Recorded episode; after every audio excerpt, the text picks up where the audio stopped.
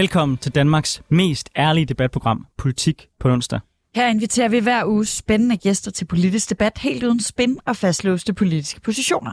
Og hvis du forventer neutrale værter, så er det altså ikke os to, du skal lytte til. Nej, for jeg er Anders Storgård. Jeg er kommunalbestyrelsesmedlem på Frederiksberg, og så er jeg tidligere landsmand for konservativ ungdom.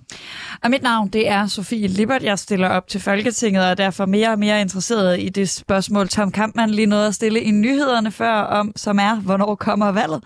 Jeg stiller op for SF, og så er jeg tidligere landsforkvinde for SF Ungdom. Ja, så du får i virkeligheden øh, sagen fra begge sider i det her program, og den næste time, der kommer vi til at vende ugens vigtigste politiske historier med skarpe gæster.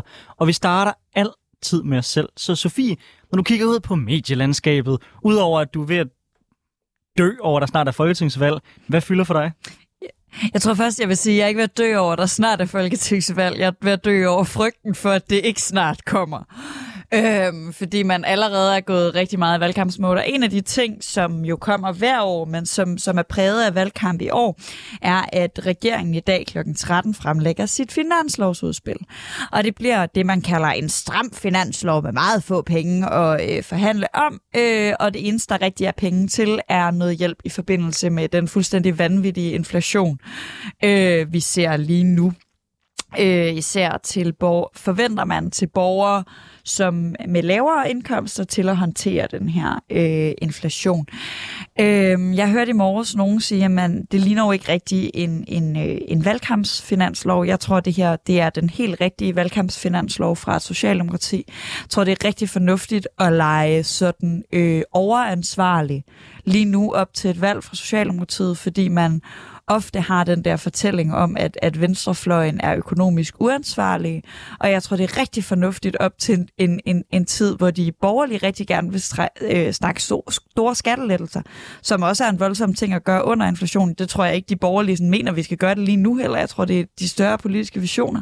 Men jeg synes i hvert fald, det er interessant, at at man vælger den her øh, sådan meget kedelige indgangsvinkel til, til en valgkamp. Jeg tror ikke, det var den økonomiske situation, Socialdemokratiet havde ønsket sig op til et valg, men jeg tror helt klart, at det øh, i den pågældende situation er meget gavnligt, de kan skabe det her billede om dem som de økonomisk ansvarlige. Ja, og så tror jeg også bare, at hvis de havde åbnet op for det valg, så vidste de også godt, at alle andre partier så vil komme lige efter dem og byde endnu højere. Så hvis jeg var Socialdemokratiet, og jeg kunne kigge ind i den situation, vi står ind i, hvor vi risikerer at kigge ind i en recession snart, vi har stigende priser på alt og inflation, så tror jeg også, jeg vil være meget varsom med at starte en kamp, som jeg ved, jeg ikke kan vinde som regering, nemlig øh, kampen om at byde højst og give mest. Så ja, jeg, jeg tror, at det er, det er selvfølgelig bevidst, det man, det man er ude i, og jeg tror egentlig sådan set også, det kan være fornuftigt nok. Om de så lykkes med fortællingen om økonomisk ansvarlighed, efter de lige har sendt checks ud til en masse mennesker, der ikke havde brug for det, det er måske meget tvivlsom overfor, om de kan vinde den framing på sigt. Men altså, fair nok at forsøge. Ja, ja, jeg, jeg tror, det ved jeg ikke. Jeg ved ikke, hvordan folk tolker det. Jeg har ikke sådan en øh, sådan forståelse af, at, at det var regeringens skyld øh, som sådan. Altså det er jo det der med, jeg, jeg opdeler det meget sådan, jeg, jeg, jeg mener ikke, det var en politisk beslutning, at man sendte checks ud til en masse forkerte mennesker jo. Øh, men jeg tror, jeg tror også bare sådan... Men Sofie, det, det er jeg også enig med dig i, men hvis man gerne vil sende det, det signal, som der står på alle posters, at man ligesom er en sikker hånd på rettet, ja. så bliver man så, så også det, bedømt så på, burde man nok have tævet det der øh, system lidt bedre på plads, inden man brugte det. Det er jeg helt enig med dig Men jeg tror sgu, det her det kommer til at lykkes meget godt, og jeg tror, det spiller godt sammen i noget, som Socialdemokratiet går meget op i, nemlig det der med, at de vælger, de taber, taber de til deres støttepartier. Og det tror jeg også, man gør med den her finanslov, fordi man sørger for at ramme de mest udsatte, eller sådan hjælpe de mest udsatte, øh, og dem, der så synes, at, at vi har brug for, for noget mere, jamen de går til, de går til støttepartierne. Øh, de går ikke til, til en højrefløj. Øh, og det tror jeg er... Øh, taktisk fornuftigt, øh, så må vi se, hvordan det Nikolaj Vammen får det serveret. Jeg synes, det er sjovt at se ham stå så helt vildt glad ud, fordi hans nye trygte finanslov var kommet i går. Øh, eller finanslovsudspil. Lige om lidt, der får vi øh, gæster herinde i studiet, men inden da, så skal jeg også lige høre, hvad du har lagt mærke til i den uge, der er gået, Anders. Jeg tænker ikke, at vi i det her program kan snakke om ugen, der er gået, uden at snakke om en af de helt store nyheder, nemlig hele den, hele den her kommission, der er kommet frem med forslaget om at lave et forbud mod tørklæder i vores folkeskole. Og jeg ved næsten ikke, hvor jeg skal starte henne, udover bare at sige, Jeg synes, det er helt vildt, at vi er kommet dertil, at vi diskuterer i et land, hvor familier generelt har frihed til at opdrage deres børn, som de gerne vil, og børn generelt har ret til at gå i det tøj, de gerne vil, at fordi at nogle folk tager noget beklædning på deres hår, at så skal vi til at lave en statslig indgriben i det. Jeg synes, det er helt vildt. Det er en kommission, der i min optik har fået en mere eller mindre øh, bunden opgave, nemlig at komme frem med det her, fordi det, kommissionen også består langt hen ad vejen, også socialdemokrater, øh, som har et ønske om det her. Jeg er glad for, at jeg ikke har set særlig mange borgerlige partier, der har stået i kø for at øh, hylde det her forslag. For, for mig at se, så må man som borgerlig være konsistent.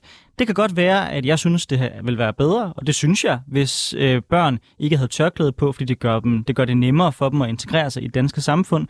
Men derfra og så til, at jeg vil komme og bestemme, hvilket tøj børn har på, det er bare ikke mit job. Det er deres forældre, og det er børnene selv der skal beslutte det. Slut, færdig. Og for mig altså, bliver det helt absurd, når vi på den ene side siger, omskæring af jødiske børn, det må man gerne, fordi det er vigtigt, at familier har mulighed for at kunne opdrage deres børn i den tro, de gerne vil. Øh, konfirmationer, dåb osv., det er super fint. Men hvis nogen tager noget tøj på hovedet, vi ikke bryder os om, så er det så undertrykkende og så indgribende, at der har vi ret til at gå ind og vride armen rundt på familier og børnene selv det, for mig, for mig er, er, er den dobbeltmoral, den er ikke til at klare. Og så må folk gerne kalde mig en slapper udlændingepolitisk, ja. hvis det er det, man gerne vil. Men for mig at se, handler det egentlig bare om at være konsistent. Frihedsrettigheder gælder også for muslimer. Ja, altså, jeg, jeg er jo helt øh, grundlæggende meget enig med dig, og jeg synes, øh, jeg synes den her debat øh, enormt hurtigt bliver meget... Øh, altså, jeg, jeg synes, det er meget specielt, hvad der er sket her, fordi det er jo en kommission, som, som bare har påtaget sig en holdning. Altså, ideen med kommissioner har vel engang været, at man skal gå ud og undersøge nogle ting, øh, men der er kommet en eller anden tendens til, at man bare lige tager en holdning op af hatten, som man egentlig har haft hele tiden. Øh, altså, uden sammenligning i øvrigt med en reformkommission, der overhovedet ikke skulle snakke om SU, men lige også synes, at SU'en skulle være et lån, fordi det har de hele tiden ment. Øhm, og... Øh, og det her er besynderligt. Det er besynderligt, det kommer nu, fordi øh, de er egentlig nedsat til først at komme med anbefalinger i januar. Sådan det hele ligner sådan et dumt teater. Øhm, og når det så er sagt, så er jeg meget enig med dig, øh, også i dine sammenligninger. Jeg har virkelig fået mange test på, på Twitter for at lave sammenligninger, men jeg synes, det er helt øh, på sin plads at lave sammenligninger med andre religioner, fordi det viser, hvor grotesk det er. Og jeg synes... Øh, Altså, øh, din pointe især om det her med, jamen, jeg synes faktisk, at, at der er ret stor forskel på, og altså den der med at synes, det er okay, man skærer i børn, når de er spædbørn, men ikke synes, det er okay at give folk tørklæde på, altså der er noget med proportioner, der bliver underligt her. Øhm, og jeg er bare, jamen altså enormt træt af, både sådan, øh, at vi igen skal øh, tale om kvinder og den her gang pigers påklædning øh, som et politisk emne, som, altså, som, som om det ikke netop, som du siger, er individets ret til at bestemme, hvordan man går klædt for hulen, uanset om det er religiøst, eller fordi det er moderne, eller hvorfor man har valgt det tøj, man har valgt. Øh, men også, at vi igen pålægger det her sådan på skolerne. Altså, der er virkelig mange skolelærer og skoleledere, der er ude at være sådan, prøv at høre, jeg skal bare ikke hive tørklædet af børn. Jeg skal bare ikke sende børn hjem fra deres, fra deres skole, fra deres undervisningstilbud, fordi de er kommet med tørklæde. Det er jo fuldstændig vanvittige ting at bede en skole håndhæve sit eget lille sådan, identitetspolitiske korstog imod muslimer. Jeg er, jeg er helt enig. Øh, og, og man skal også bare huske, hvad konsekvensen bliver. Konsekvensen bliver, at der er nogle folk, der vil søge væk fra den danske folkeskole, at vi ser folk, som i virkeligheden forlader de offentlige tilbud, som vi har, og som måske dermed gør det endnu sværere at integrere dem i vores samfund. Og det er på alle tænkelige måder kontraproduktivt. Øh, jeg er generelt set tilhænger af, at familier har ret til at opdrage deres børn i den tro, de gerne vil, og så er det jo sådan, at når man bliver ældre, så har man jo selvfølgelig mulighed for at kunne vælge den retning, man gerne vil. Og jeg synes, det er rigtig fint, hvis folk tager deres slør af øh, senere. Jeg synes også, det er helt okay, at familier gerne vil have, at deres børn bliver opdraget i den tro, de selv er en, er en del af. Prøv at høre, prøv at overveje at betale din skat bidrag til det danske samfund, være en lovlydig borger, der gør alt, hvad du, hvad, hvad, du, hvad, du, hvad du gerne vil. Men fordi du gerne vil have, at dine børn er en del af din, din religion, så kommer lige pludselig en anden folkeskolelærer og hiver øh, tøjet af dem. Det, det, er, det er for mig at se helt vildt. Ja, og hertil er det måske også bare en, en enkelt tilføjelse, at øh, forslaget jo netop er, at det skal være alle skoler, ikke kun folkeskoler, som det er i Frankrig, så risikoen er, at, at børn øh, og unge tages helt ud af, af skolegang og ikke bare flyttes over på en privatskole.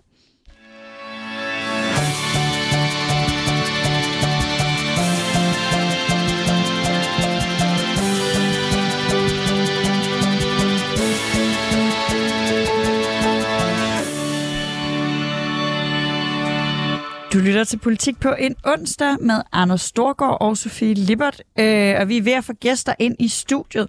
Øhm, og jeg øh, plejer jo på det her tidspunkt at sige, at man kan deltage i debatten via vores 24-7-app. Det kan man ikke via min i dag, men jeg håber, man stadig kan via jeres, og at der stadig er sådan et fint lille pink chat-ikon, hvis I downloader 24-7-appen, og så vælger politik på en onsdag podcasten. Øhm, og... Øh, og ellers så øh, er vi i hvert fald altid øh, glade for inputs til, øh, hvad vi skal lave næste gang, hvis I ikke kan få lov at øh, kommentere direkte på øh, det, vi debatterer i dag. Og her og her i studiet har vi fået besøg af ikke en, men tre skarpe gæster. Øh, den første, jeg skal byde velkommen til, øh, det er dig, øh, Niels Peder Ravn. Du er ny borgerligs spidskandidat i hovedstaden til Folketinget, og sidder du også i borgerrepræsentationen i København. Vi lægger altid ud med at spørge vores gæster, hvad har fyldt noget for dem i ugen, der er gået? Når de kigger over det danske mediebillede, hvad er der så nogle særlige historier, der er faldet i øjnene for dem, også så vi kan lære vores gæster bedre at kende? Så det vil jeg gerne starte med at spørge dig om. Jamen, jeg synes, at en af de mest interessante øh, debatter, der har været den forgangne uge, det har været den nu efterhånden ret gamle debat. Det er jo, er jo lidt en, en repetition, men det handler jo selvfølgelig om øh, muslimske tørklæder i øh, folkeskolen. Og øh, efter denne her synes, øh, kommission, øh, hvad hedder den, øh, kommissionen for den glemte kvindekamp, tror jeg nok den hedder. Og det synes jeg er en interessant debat, og jeg er glad for, at den bliver genoplevet, fordi jeg synes, vi nærmer os et, et tidspunkt nu, hvor vi kan sige, at, at jeg har det sådan her, at vi har love og regler i et demokrati for at beskytte vores borgere. Men i tyranni, der har man love og regler for at kunne tryne borgerne. Og jeg synes, at lige præcis denne her, denne her debat, den er interessant, for jeg synes selvfølgelig ikke, at unge piger, som går i skole, de skal bære tørklæder. Og jeg synes, det er, ville være fantastisk, hvis vi kunne komme frem til at blive enige om, at det tørklæde først bliver taget på, når man kan træffe et voksent valg. At man så måske træffer et forkert valg i mine øjne, det er så en anden historie, men jeg synes, det er en sund og spændende debat. Niels Peder Ravn, vi har, vi har lige diskuteret det her også øh, lige før I kom ind, så øh, lytterne kender allerede godt min holdning til det, men jeg vil også øh, spørge om din. Altså, øh, I kalder jer selv for nye borgerlige. Hvis du spørger mig, hvad borgerlighed er, så er det for eksempel sådan noget, som familier har ret til at opdrage deres børn på den måde, som de gerne vil. Man har personlige frihedsrettigheder til at vælge at gå i det tøj, og til generelt set at have øh, fri ret til at tage sin egen valg. Hvorfor er det, at de regler ikke gælder, hvis du øh, ønsker at tage et tørklæde på? Jamen, hør her. Øh, vi, lever et, vi lever et frit samfund. Vi lever i et demokrati. Og vi bliver altså nødt til at anerkende, at det muslimske tørklæde er et symbol på det stik stik modsatte. Og det er jo det, det handler om. Altså, samfundet er jo, ændrer sig jo hele tiden, og jeg vil sige, at hvis vi nu skruede tiden tilbage til vikingetiden, og man så sagde til en viking, prøv at høre her, Bassemand, nu må du ikke handle med trælle længere. Så kan det godt være, at han synes, det var et indgreb i hans frihed, at han ikke måtte handle med trælle længere. Jeg er helt sikker på, at trællene derimod, som så blev sat fri, de synes, det var en rigtig god idé, at han ikke skulle handle med synes trælle Synes du, det er at sætte noget tøj på ens hår, altså at, at dække ens hår til, det er at sammenligne med at tage slave? Ja, fordi det er, det er undertrykkende, det er, det, er, det er jo principielt, kan man sige, ideologisk at slavegøre mennesker. Øhm, jeg, synes det, jeg synes, den her debat er enormt interessant, og vi har ikke øh, tre kvarter til at tage den i dag. Øh, men jeg er også sådan, øh, lidt sådan en... Øh, jeg, jeg er dog ikke øh, akademisk set humanist, men jeg er lidt sådan en nørd, når det gælder øh, symboler og sådan noget. Og symboler er jo... Altså, der findes jo ikke et symbol, der symboliserer én ting. Øh, og, og din tolkning af den her symbolik, der ligger i tørklædet, er meget langt fra den, jeg kender fra folk, der går med tørklæde, og fra folk, øh, hvis familie går med tørklæde, fra folk, der har valgt tørklædet fra. Øhm, øhm, er, er du sikker på, at din tolkning af, at tørklædet er et undertrykkende symbol, også øh, er, er så universel, som du gør den til lige nu. Fordi jeg ser det ikke som et undertrykkende symbol, og jeg kender mange, der ikke gør. Jeg ser det som et, et religiøst symbol øh, på niveau med, med kalotten og med et kors og med, med alle mulige andre symboler. Så er du sikker på, at øh, du lyder sådan enormt skråsikker. Er du sikker på, at den symbolik, du lægger i, i tørklædet, det er, det er den eneste? Ja, det er jeg fuldstændig sikker på. Altså, vi skal jo huske, at, at islam er en lovreligion, i modsætning til for eksempel kristendommen, som jo ikke er en lovreligion. Mm. Ja, der er kun én lov i kristendom, og det er det dobbelte kærlighedsbud. I, øh, I islam er der en hel del flere love, og der er jo lige præcis også i sharia. Det er jo, så islam er jo ikke bare religion, det er også det er også politik. Det er den ene side af sagen. Den anden side af sagen er, at jeg synes, at tørklædet, specielt på små piger, jo er en helt utidig seksualisering af små piger. Jeg, jeg, jeg, jeg vil, vil slet ikke øh, gå ind i det her, fordi vi har nøjagtigt fem minutter til også at få budt øh, velkommen til vores andre gæster. Jeg tror bare, jeg vil lade stående, at der er dyb uenighed i studiet omkring tolkningen af symbolikken af et muslims tørklæde. Og så vil jeg byde velkommen til dig, Frederik Enevoldsen. Du er også folketingskandidat, men for Socialdemokratiet i jeg er i tvivl om, hvilken storkreds faktisk. Det er, Det omegn, er er det? øh, Sjællands Storkreds. Ja, det er Sjællands Ja. Storkreds, ikke også? Ja, jeg har nemlig et papir, hvor der står omegnen, og så har jeg været sådan, det, må, det er ikke rigtigt, det er Sjællands Storkreds. Nå. Øhm, vi skal også høre, hvad du sådan har politisk lagt mærke til i, for tiden i ugen, der er gået-agtigt. Jamen altså, det er i hvert fald noget, der har fyldt meget for mig og i mine omgangskredse politisk. Og det er i foråret, var der et stort lærlingoprør, som I måske har set med en hel masse lærlinge på tværs af hele landet, der har demonstreret og gjort oprør mod de ringe forhold, de skal gå på på erhvervsskolerne. Og hvis vi skal løse klimaudfordringen, hvis vi skal bygge vindmøller og elladestander og have nogen til at fikse vores Tesla og hvad man ellers har, så bliver det simpelthen ikke gjort, hvis ikke at vores faglærte har et rigtige kompetencer, og det får vi kun ved at investere i erhvervsskolerne. Og derfor håber jeg, at det kan komme til at fylde igen. Det er i hvert fald nogle stykker, der gør noget for, at det, at det kan. Det er jeg meget, meget enig med. Øhm, men hvordan, altså, og det er også et svært spørgsmål, hvordan hulen får vi det her til at fylde igen? Fordi øh, vi har lige set en finanslovsudspil, eller det har vi ikke nu. Klokken 13 ser vi et finanslovsudspil, hvor der næsten ikke er nogen forhandlingsreserve. Økonomien er enormt, øh, sådan, altså det bliver sådan en ond spiral nærmest, fordi økonom, økonomien er enormt hårdt spændt for, øh, og vi har så ikke de mennesker til at udføre det arbejde. Og sådan. Altså, hvordan hulen får vi rejst i en valgkamp, at der skal bruges flere milliarder på erhvervsuddannelserne? Fordi det er i hvert fald fra mit syn øh, det, der er nødvendigt. Altså, det hjælper ikke med sådan noget 300 millioner, eller hvad vi lige kan finde.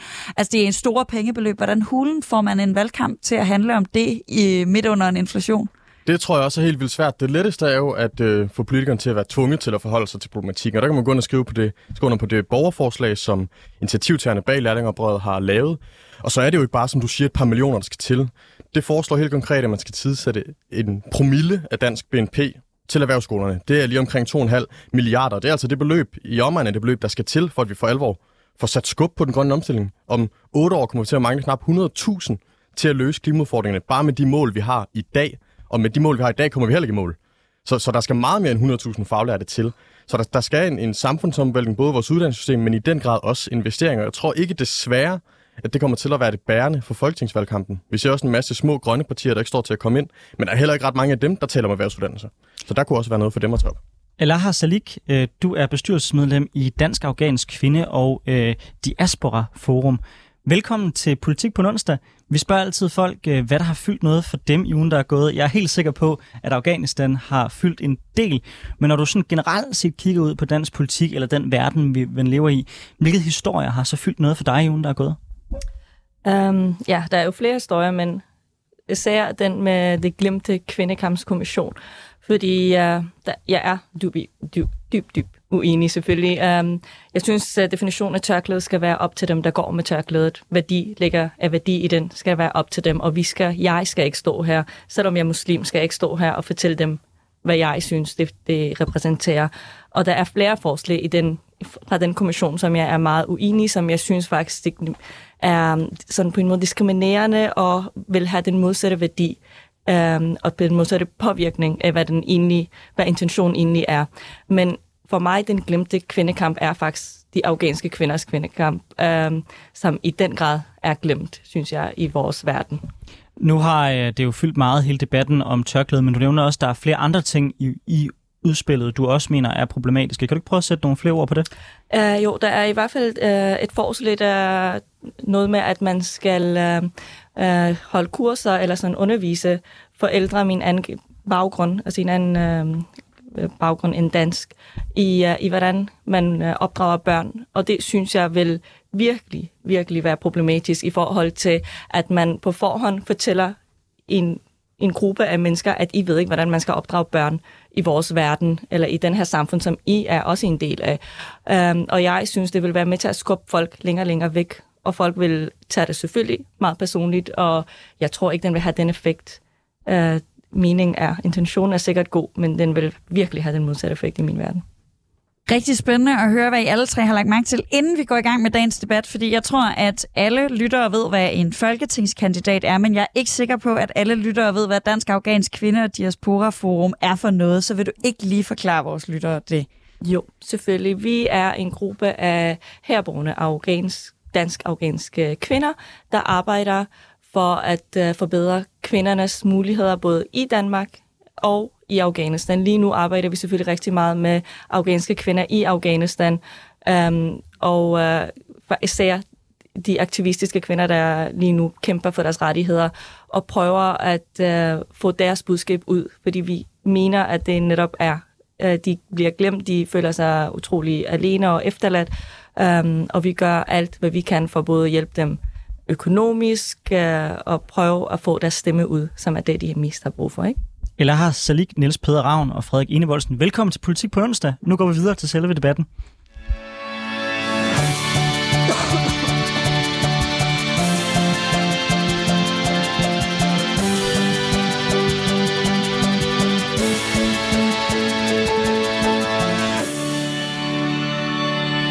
Lytter til Politik på en onsdag med Anders Storgård og Sofie Lippert. Vi har i dag besøg af Elaha Salik, der er bestyrelsesmedlem i Dansk Afghansk Kvinde- og Diaspora Forum, Niels Peder Ravn, der er ny borgerlig spidskandidat i hovedstaden til Folketinget, og Frederik Enevoldsen, der er kandidat til Folketinget for Socialdemokratiet på Sjælland. I går var det præcis et år siden, at de sidste amerikanske og vestlige tropper kaotisk måtte trække sig ud af Afghanistans hovedstad Kabul, mens folk desperat prøvede at flygte fra Taliban, som i lyntempo havde overtaget landet. I dag er det islamiske emirat Afghanistan, som landet nu kalder sig, fuldstændig isoleret diplomatisk og ifølge FN kastet ud i en dyb økonomisk, social, humanitær og menneskerettighedskrise. Over 20 millioner afghanere enten sulter eller risikerer at gøre det, mens 97 procent af dem lever under Verdensbankens fattigdomsgrænse. Siden Taliban har overtaget magten, så har de slået brutalt ned på kvinder med krav om fuld tildækkelse, rejseforbud, øh, hvis de skal mere end 72 km, forbud mod skolegang til mere end 6. klasse, og samtidig så har de indført vilkårlige anholdelser, tortur, udenretslige drab og nedslagning af civile. Det er blevet dagligdag i Afghanistan. Et år efter er Afghanistan kort sagt et land præget af vold, undertrykkelse og sult. En del skyldes landets isolation, hvor det globale samfund har forsøgt at ramme det nye styre økonomisk og tilbageholde hjælp for ikke at give Taliban legitimitet. Hvad skal det internationale samfund gøre ved landet? Skal vi støtte op om civilbefolkningen, velvidende at vi dermed risikerer at legitimere styret? Eller skal vi fortsætte isolationen af landet, til trods for, at det har en konsekvens for den civile befolkning? Det er det dilemma, vi i dag diskuterer i politik på onsdag. Og vi starter med situationen her et år efter tilbagetrækning. Eller Salik, du er bestyrelsesmedlem i Dansk Afghansk Kvinde og Diaspora Forum. Hvilket land er Afghanistan ifølge dig i dag? Um, det er et mørkt plet næsten. Um, Afghanistan er et meget, meget trist land at være i um, og at være fra, at have rødder i. Um, Afghanistan er det eneste land i hele verden, der forbyder um, kvinder og piger i at tage sig en uddannelse, i at øh, gå ud uden en mandlig ledsager, eller bare være en individ med rettigheder. Um, så Afghanistan lige nu er også et land i dyb, dyb krise, humanitært, socialt og uh, på mange, mange planer, også religiøst. Um, og den humanitære krise fylder selvfølgelig rigtig, rigtig, rigtig meget. Og for selve afghanerne i Afghanistan er det både deres rettigheder, den der enorme usikkerhed, der er omkring deres fremtid, og uh, om de kan få den næste måltid eller ej. Noget, der fylder meget. Hvilke nogle følelser sidder du tilbage med, når du kigger på den tilbagetrækning af vestlige styrker, der var? Føler du, at vi lagde, eller vi efterlod afghanerne i stikken? Uh, ja, det synes jeg i den grad. Det gjorde vi, og jeg synes, at det var, uh, som, af, som af, den min afghanske del, følte mig meget snydt. Ja, vi følte uh, os meget efterladte, meget alene. Vi følte, at vi risikerede alt, hvad vi havde da de danske, altså udlandske styrker kom, så stod vi jo ved deres side og risikerede vores liv og stod skulder til skulder med dem og kæmpede for, for den her nye Afghanistan. Og da de så lige pludselig efterlod os velvidende, at det vil være Taliban, der vil tage over, det vil være en mørk fremtid, vi vil gå ind i. Og så bagefter, at øh, man så fryser, altså laver alle de her sanktioner fryser af afghanske nationalbanks øh, midler, Uh, altså faktisk, vi straffer afghanerne for, at Taliban opfører sig, som de gør. Altså det er USA, der laver en aftale med Taliban, næsten sådan serverer Afghanistan på en sødfad til dem, og så bagefter så uh, straffer det afghanske befolkning for, for, at Taliban opfører sig, som de selvfølgelig altid har gjort. Frederik Enevoldsen, øhm, den her sådan, Afghanistan-krig, du og jeg er sådan cirka lige gamle, øh, og det er sådan en krig, der lidt har været hele ens liv, når man er her i sådan noget midt-20'erne. Øhm, hvordan, altså, øhm, hvor meget fylder den, det her i, i din bevidsthed lige nu? Fordi jeg må indrømme, jeg havde, øh, indtil det ligesom var årsdag, så havde jeg fuldstændig glemt, Øh, altså, det er ikke noget, der fylder i vores hverdag. Det er måske også, fordi der er kommet en krig noget tættere på i Ukraine. Men, men har vi, øh, altså, øh, er du enig i nogle af de overvejelser herovre fra Ilaha om, at vi, at vi ligesom er kommet til at, at lade en, en civilbefolkning i stikken? Jeg er i hvert fald enig i betragtningen om, at det måske ikke fylder lige så meget, som det burde for en stor gruppe af danskere, mig selv inklusiv. Men det er også vigtigt så også blevet mærke, at jeg synes ikke, at vi fuldstændig har efterladt øh, hele Afghanistans befolkning på perronen. Vi, hvad er det, 350 millioner, vi i 2022 giver udviklingsbistand til Afghanistan alene. Og, og det er jo en udviklingsbistand, jeg og mit parti i hvert fald står rimelig hårdt fast på, at det skal vi blive ved med. En og alene af den grund, at omkring 24 millioner afghanere er afhængige af nødhjælp. Og, og alternativet til at give den nødhjælp er jo sådan set at tvinge dem ud af landet og tvinge til endnu flere flygtninge. Og så tror jeg bare helt grundlæggende heller ikke på, at en befolkning nogensinde kan gøre op mod, oprør mod et totalitært styre, hvis de er sultne. Altså hvis ikke de har mætte maver og kræfter til rent faktisk at gøre modstand, så får der heller, kommer der heller aldrig den modstand. Så jeg synes i den grad, vi skal blive ved med at gøre, hvad vi kan for at støtte befolkningen i de nødhjælpsorganisationer, vi kan. Men det er jo klart, der er også en grænse for, hvor meget vi kan legitimisere, eller legitimere og samarbejde med Taliban, for det vil jeg aldrig nogensinde selv synes, at vi skulle gøre, fordi det er et totalitært styre, der ikke er valgt på nogen som helst demokratisk måde. Så jeg synes også, der er et dilemma i, hvor meget man kan, altså i det der med at efterlade afghanerne, fordi at, at, at hvis ikke vi skal efterlade afghanerne så skal vi samarbejde mere med Taliban, og det synes jeg heller ikke, vi skal. Så jeg synes sådan set, at den mest korrekte måde at gribe problematikken an på, er at fortsætte den udviklingsbistand, vi giver i dag. Niels Peder vi kommer til at gå mere ned i hele det her spørgsmål med, hvor meget vi skal samarbejde med Taliban. Men hvis vi starter med at holde det sådan helt på det grundlæggende plan. Når du kigger på Afghanistan, hvad tænker du så om det land et år efter, at vi forlod det? Det er hårrejsende. Altså helt enkelt hårrejsende. Jeg kan næsten ikke, jeg kan ikke forestille mig noget mere skrækkeligt scenarie overhovedet. Det kan jeg ikke. Og jeg, jeg har den største, største medlidenhed med øh, en uh, civilbefolkning, som uh, jeg i virkeligheden mener er blevet efterladt på perronen efter, efter en, en så fejlslagen indsats, som, som vi rent faktisk leverede. Jeg synes, det er hårdrejsende, og jeg, har, jeg, jeg kan ikke beskrive, hvor, hvor trist jeg synes, det er. Hvad mener du, vi skulle have gjort i stedet for, hvis du mener, at vi efterlod dem på, øh, på perronen? Dengang var diskussionerne jo meget, skal vi tage imod de tolke, der har hjulpet de danske soldater? Altså, er det det, du mener, når du, når du siger efterlader dem Nej. på perronen? Eller skulle vi mere have været blevet der længere tid militært? Altså, jeg mener jo, at øh, konsistens, øh, som Borgerlig mener jo, at konsistens er en rigtig god ting. Og øh, man kan jo sige, at øh, den måde, vi kom ud af Afghanistan på, var en lille bitte smule inkonsistent.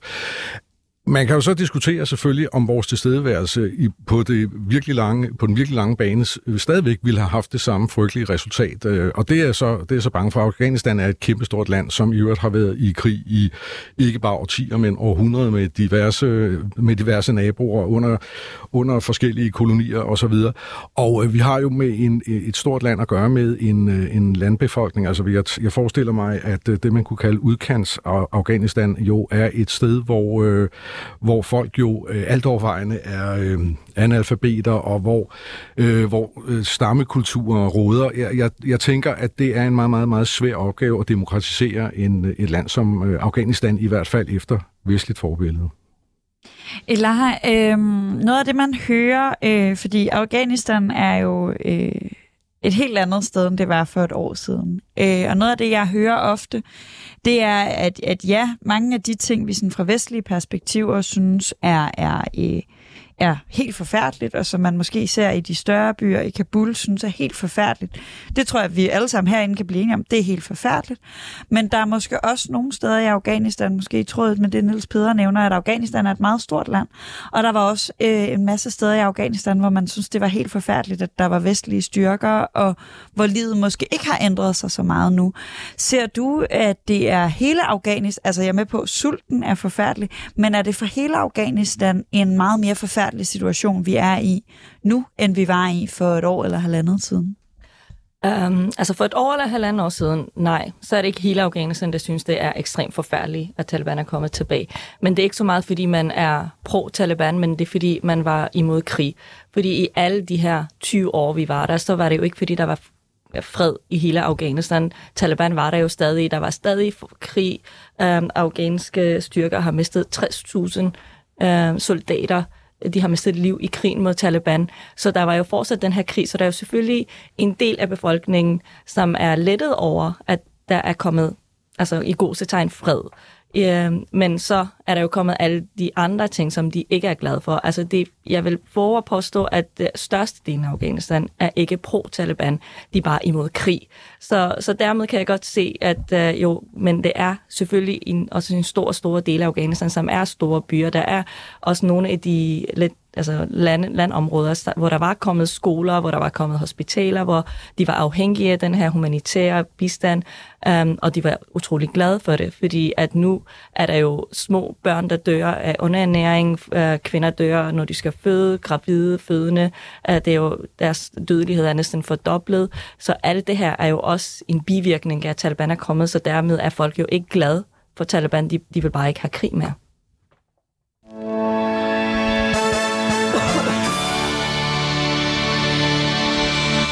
Du lytter til Politik på en onsdag med Anders Storgård og Sofie Libert, hvor vi i dag har besøg af Ella Salik, der er bestyrelsesmedlem i Dansk Afghansk Kvinde- og Diaspora Forum, Niels Peder Ravn, der er ny borgerlig spidskandidat i hovedstaden til Folketinget, og Frederik Enevoldsen, der er kandidat til Folketinget for Socialdemokratiet. Taliban er som sagt fuldstændig isoleret internationalt. Det blokerer for, at nødhjælp kan komme frem, da Taliban ikke ønsker, at internationale aktører opererer uden for deres kontrol, og den nødhjælp, der når frem, konfiskeres i stor stil af styret selv. Samtidig er det umuligt for dem at handle eller optage lån. lån. Indtil nu har Vesten og resten af det internationale samfund nægtet at samarbejde med nye styre på grund af dets menneskerettighedsovergreb. Men spørgsmålet er, om vi lige nu gør ondt værre. Frederik Enevoldsen, det her er, som du også nævnte før, uden tvivl et dilemma, når vi har at gøre med et styre som Taliban, som vi også indtil for nylig var i krig med. Men gør vi reelt civilbefolkningen en bjørnetjeneste ved ikke at samarbejde med det nye styre? Jamen, og det er jo det, der er svært at svare på, fordi jeg synes ikke, at man kan stille det helt så sort-hvidt op. Det er jo ikke enten så samarbejder vi med Taliban, og så øh, hjælper vi civilbefolkningen, eller også så gør vi ikke. Jeg tror sådan set helt grundlæggende på, at vi sagtens skal samarbejde med Red Barnet, Røde Kors, UNICEF, UN Women osv., som vi gør i dag i Afghanistan, uden at vi nødvendigvis skal legitimere Taliban.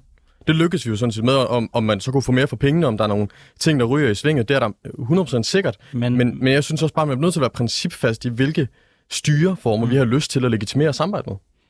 Men det er jo faktisk det, der er dilemmaet, fordi rigtig meget af den nødhjælp, vi sender lige nu, den når faktisk ikke frem til mm. civil befolkningen. Det er jo en af de udfordringer, vi rent faktisk står i, som er, at det bliver konfiskeret af styret, og så bliver det brugt til ligesom at give til deres støtter, frem for rent faktisk ud til de folk, der har det værst. Altså, mange af de nødhjælpsorganisationer, du nævner, har jo ikke frit spil i Afghanistan længere. Så det, det er sådan set, synes jeg, et fair nok dilemma at stille det ja, op sådan. Men, men... Ønsker, vi, ønsker vi at hjælpe civilbefolkningen, også selvom det gavner Afghanistan, øh, nye styre Taliban, eller hvad skal vi gøre? Jamen, i, i det spørgsmål ligger der også en præmis om, at hvis man samarbejder med Taliban, så vil alle pengene gå til befolkningen. Nej, men, og men, den præmis, den køber jeg simpelthen ikke. Okay. Jeg anerkender men køber ikke, du, at en stor del af, af nødhjælpen PT utvivlsom, styret utvivlsom, men jeg tror simpelthen ikke på, at hvis man samarbejder mere med Taliban, at der vil være en mindre del, der gik til styret, end det er i dag. Jeg tror sådan set 0% på, at hvis man bare gav pengene til Talibans hænder og sagde, de her midler skal bruges på befolkningen, til kvinder, til undernærede børn, fødselsgange osv., hvad det ellers kunne være. Jeg tror simpelthen ikke på, at de vil blive bedre brugt af, at man gav dem direkte til Taliban, end man forsøger at give dem ud i nødhjælpsorganisationer, der så formidler det videre ud i resten af befolkningen. Den der præmis om, at samarbejde med Taliban vil sørge for, at der er flere af vores udviklingsmidler, der går ud til befolkningen, den anerkender jeg simpelthen ikke. Niels Peder Ravn, øh, hvad, hvad, øhm, når man ser det fra din stol, er det så den rigtige måde, Socialdemokratiet fører udviklingspolitik i øh, Afghanistan lige nu? Eller ikke Socialdemokratiet så meget som, som det danske flertal, øh, Folketinget og regeringen? Et parti regering. Jamen hør her. Altså, og Venstre. jeg bliver nødt til at sige, at, at, at, at jeg er jo helt uenig med det, Frederik siger. Allerede før allerede før Taliban overtog her, der udtalte mange af de NGO'er, som Frederik lige nævner, at det allerede på det tidspunkt var svært rent faktisk at få nødhjælp frem til de faktisk nødledte, nødlidte afghanere. Og jeg er bange for, og, og det er frygteligt at skulle sige det her, det lyder måske en lille smule kynisk, men, men nogle gange så er den her slags ting jo kyniske, og man kan sige, at det mest kyniske her er jo sådan set Taliban.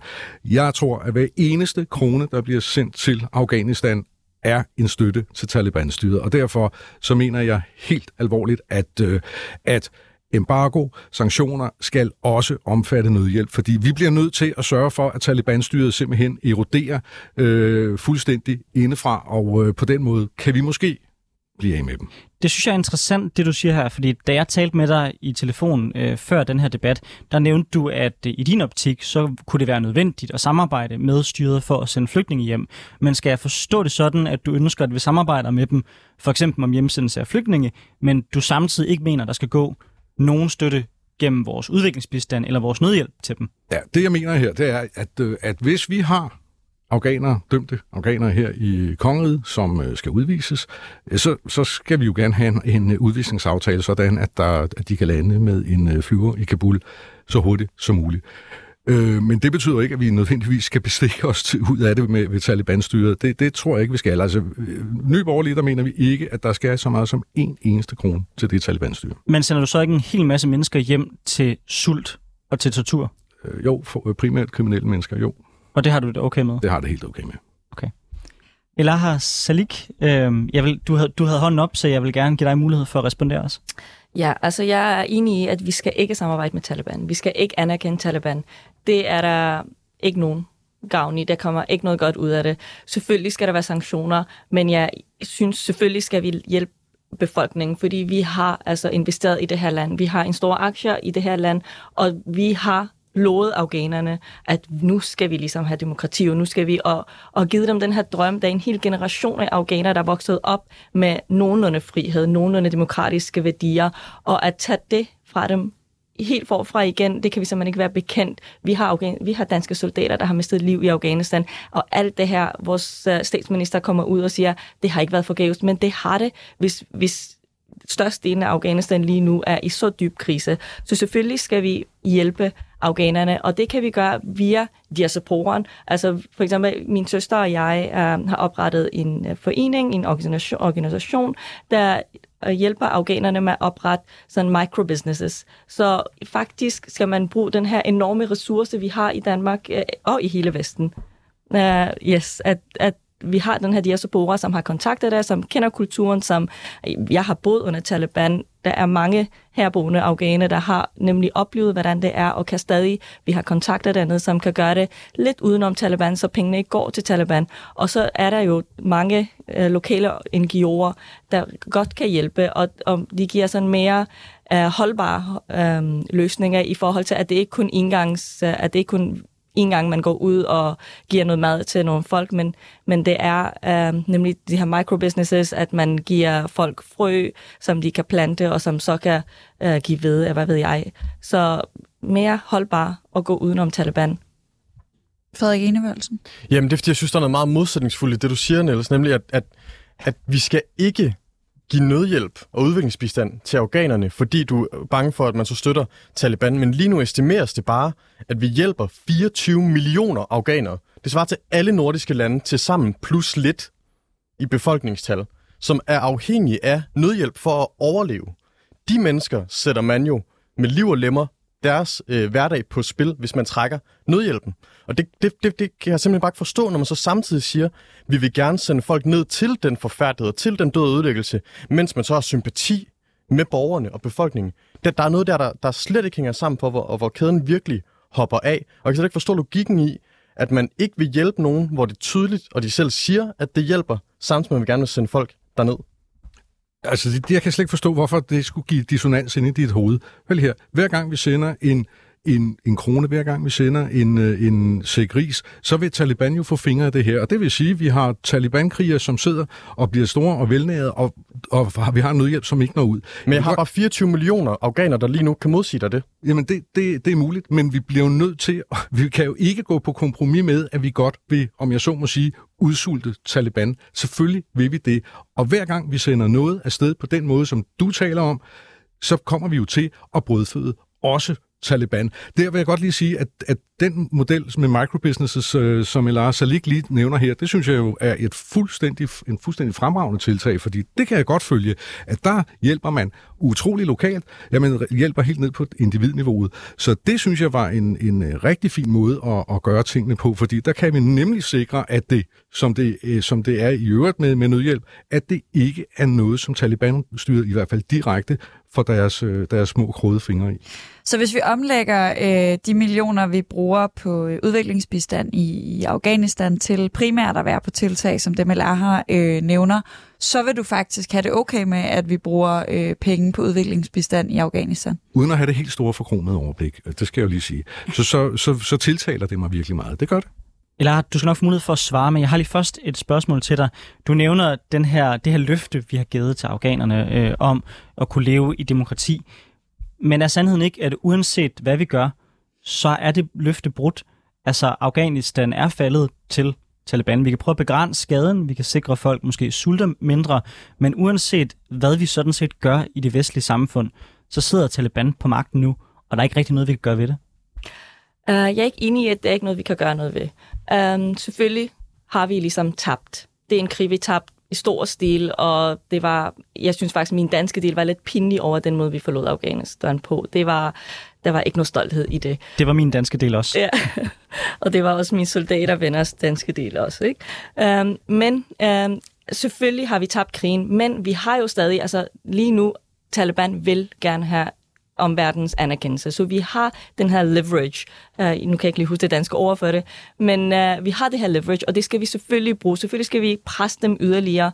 Um, men det skal ikke gå i så høj grad ud over det afghanske befolkning. Um, de der microbusinesses og de her modeller, jeg snakker om, det er selvfølgelig en, en midlertidig løsning, men det er jo ikke holdbart i længden. Det kan jeg også selv se. Og derfor så bliver vi nødt til på et eller andet måde at gøre noget ved, den, ved det her Taliban emne, fordi det er jo ikke kun et lokalt problem, det er et internationalt problem. Altså, Taliban har før øh, haft Osama bin Laden boende, og nu har de også haft øh, øh lederen af altså alle mulige ekstremistiske grupper. Det bliver jo simpelthen en terroristred, som er en kæmpe trussel mod hele verden. Hvad der skal gøres ved det, altså jeg, ved, jeg siger ikke, at vi skal sende soldater ned igen, men det er et problem, vi bliver nødt til at tage hånd om, og det, det er et emne, vi bliver nødt til at diskutere, for hvad gør vi ved Taliban? Det kan jo ikke blive ved på den her måde. Um, og så vil det jo også skabe store flygtningestrøm, ikke, mod, ikke kun mod øh, nabolandene, men også mod Europa, som vi i den grad prøver at beskytte os imod. Jeg synes, at det var også lidt interessant, hvordan uh, retorikken gik fra, at uh, og, altså Afghanistan er i krise, til at Afghanistan er i en krise for os, hvis der kommer flygtninge, og hvordan beskytter vi os mest muligt. Det er altså, det er virkelig trist, og det er dybt ærgerligt, at det er den retorik, vi står med nu. Men hvis det er noget, man vil undgå, så bliver man, så bliver man jo nødt til at hjælpe lokalt, og bliver nødt til at også finde ud af, hvad gør vi ved Taliban? Det kan jo ikke blive ved, fordi det er en trussel mod hele verden, også mod vores sikkerhed her i Danmark.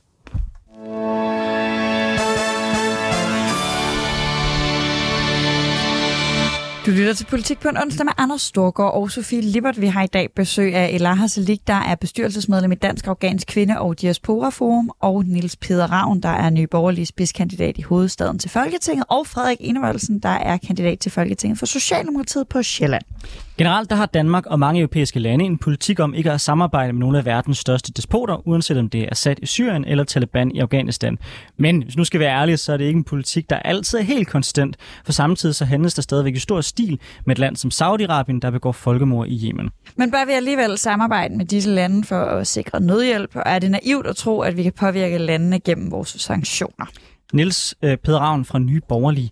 Når vi sådan kommer lidt op i helikopteren og ikke kun ser på Taliban i Afghanistan, men generelt også ser på Assad og ser på nogle af verdens despoter, skal vi samarbejde med dem, eller skal vi tværtimod lægge mere afstand til dem? Hvor står Nye Borgerlige? Fordi for at være ærlig kan jeg nogle gange ikke helt finde ud af det. Nogle gange så er tilhænger af en hårdkurs. Det er du eksempelvis i forhold til Taliban. Andre gange så hører jeg fra jer, at øh, vi må acceptere tingenes tilstand, som eksempel i Syrien, hvor det er Assad, der sidder på magten. Så hvor står I egentlig henne på det her spørgsmål? Nå, men jeg kan ikke se, jeg kan ikke se at, det er, at det er to forskellige holdninger, fordi det er jo fuldstændig rigtigt, at øh, Assad sidder på, på magten i Syrien, og det bliver han til synligheden ved med.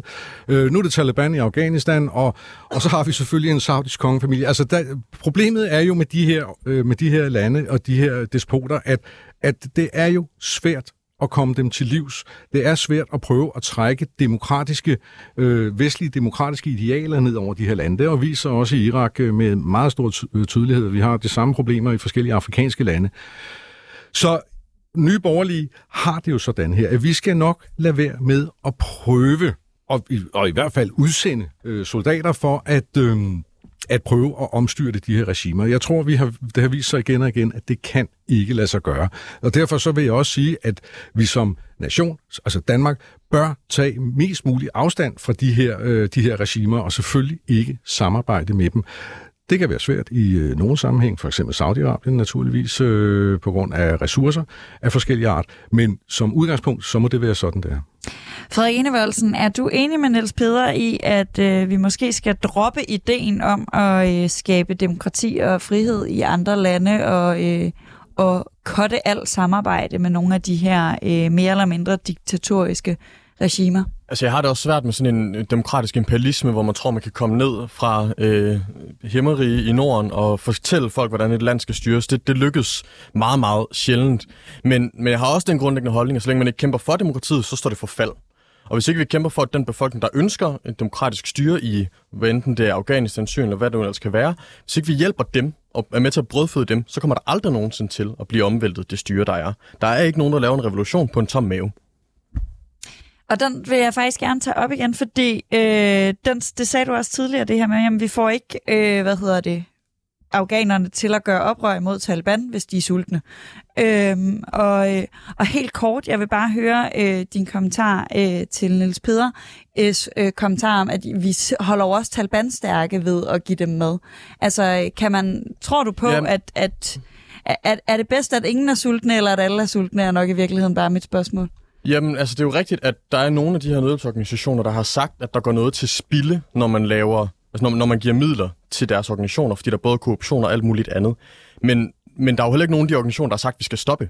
Altså Red Barnet, Dansk Flygtningehjælp, UN Women, UNICEF og hvad der ellers er. Der er ingen af de organisationer, der har sagt, at deres arbejde ikke gør en forskel. Og som jeg sagde tidligere, 24 millioner afghaner lige nu, deres liv afhænger af den nødhjælp, vi er med til at give.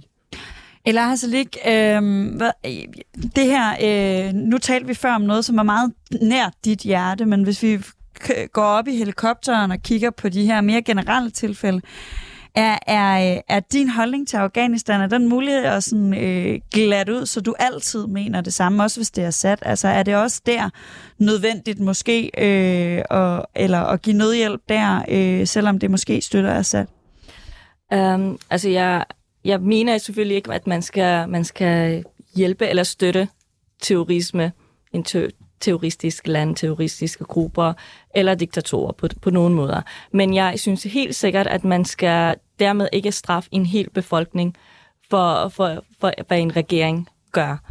Um, nu må jeg indrømme, at jeg har ikke alt for meget styr på Syrien og Assad, men selvfølgelig skal vi hjælpe befolkningen der. Og, og der synes jeg, at vi bliver simpelthen nødt til at finde på andre løsninger. Hvis, hvis vores nødhjælp går til spil, så må man have sådan bedre aftaler, så må man have um, internationalt monitoreret uh, på et eller andet måde, altså få det monitoreret på en måde, så der går mindre til spil. Og det kan godt være, at der er noget af tingene, der går til spil, men der er også en stor del, der ikke går til spil. Og den del skal vi jo holde fast ved, fordi der er jo det handler jo om mennesker, det handler om børn og kvinder, øh, det handler om mennesker som dig og mig. Så dem skal vi selvfølgelig støtte, uanset hvor det er i verden.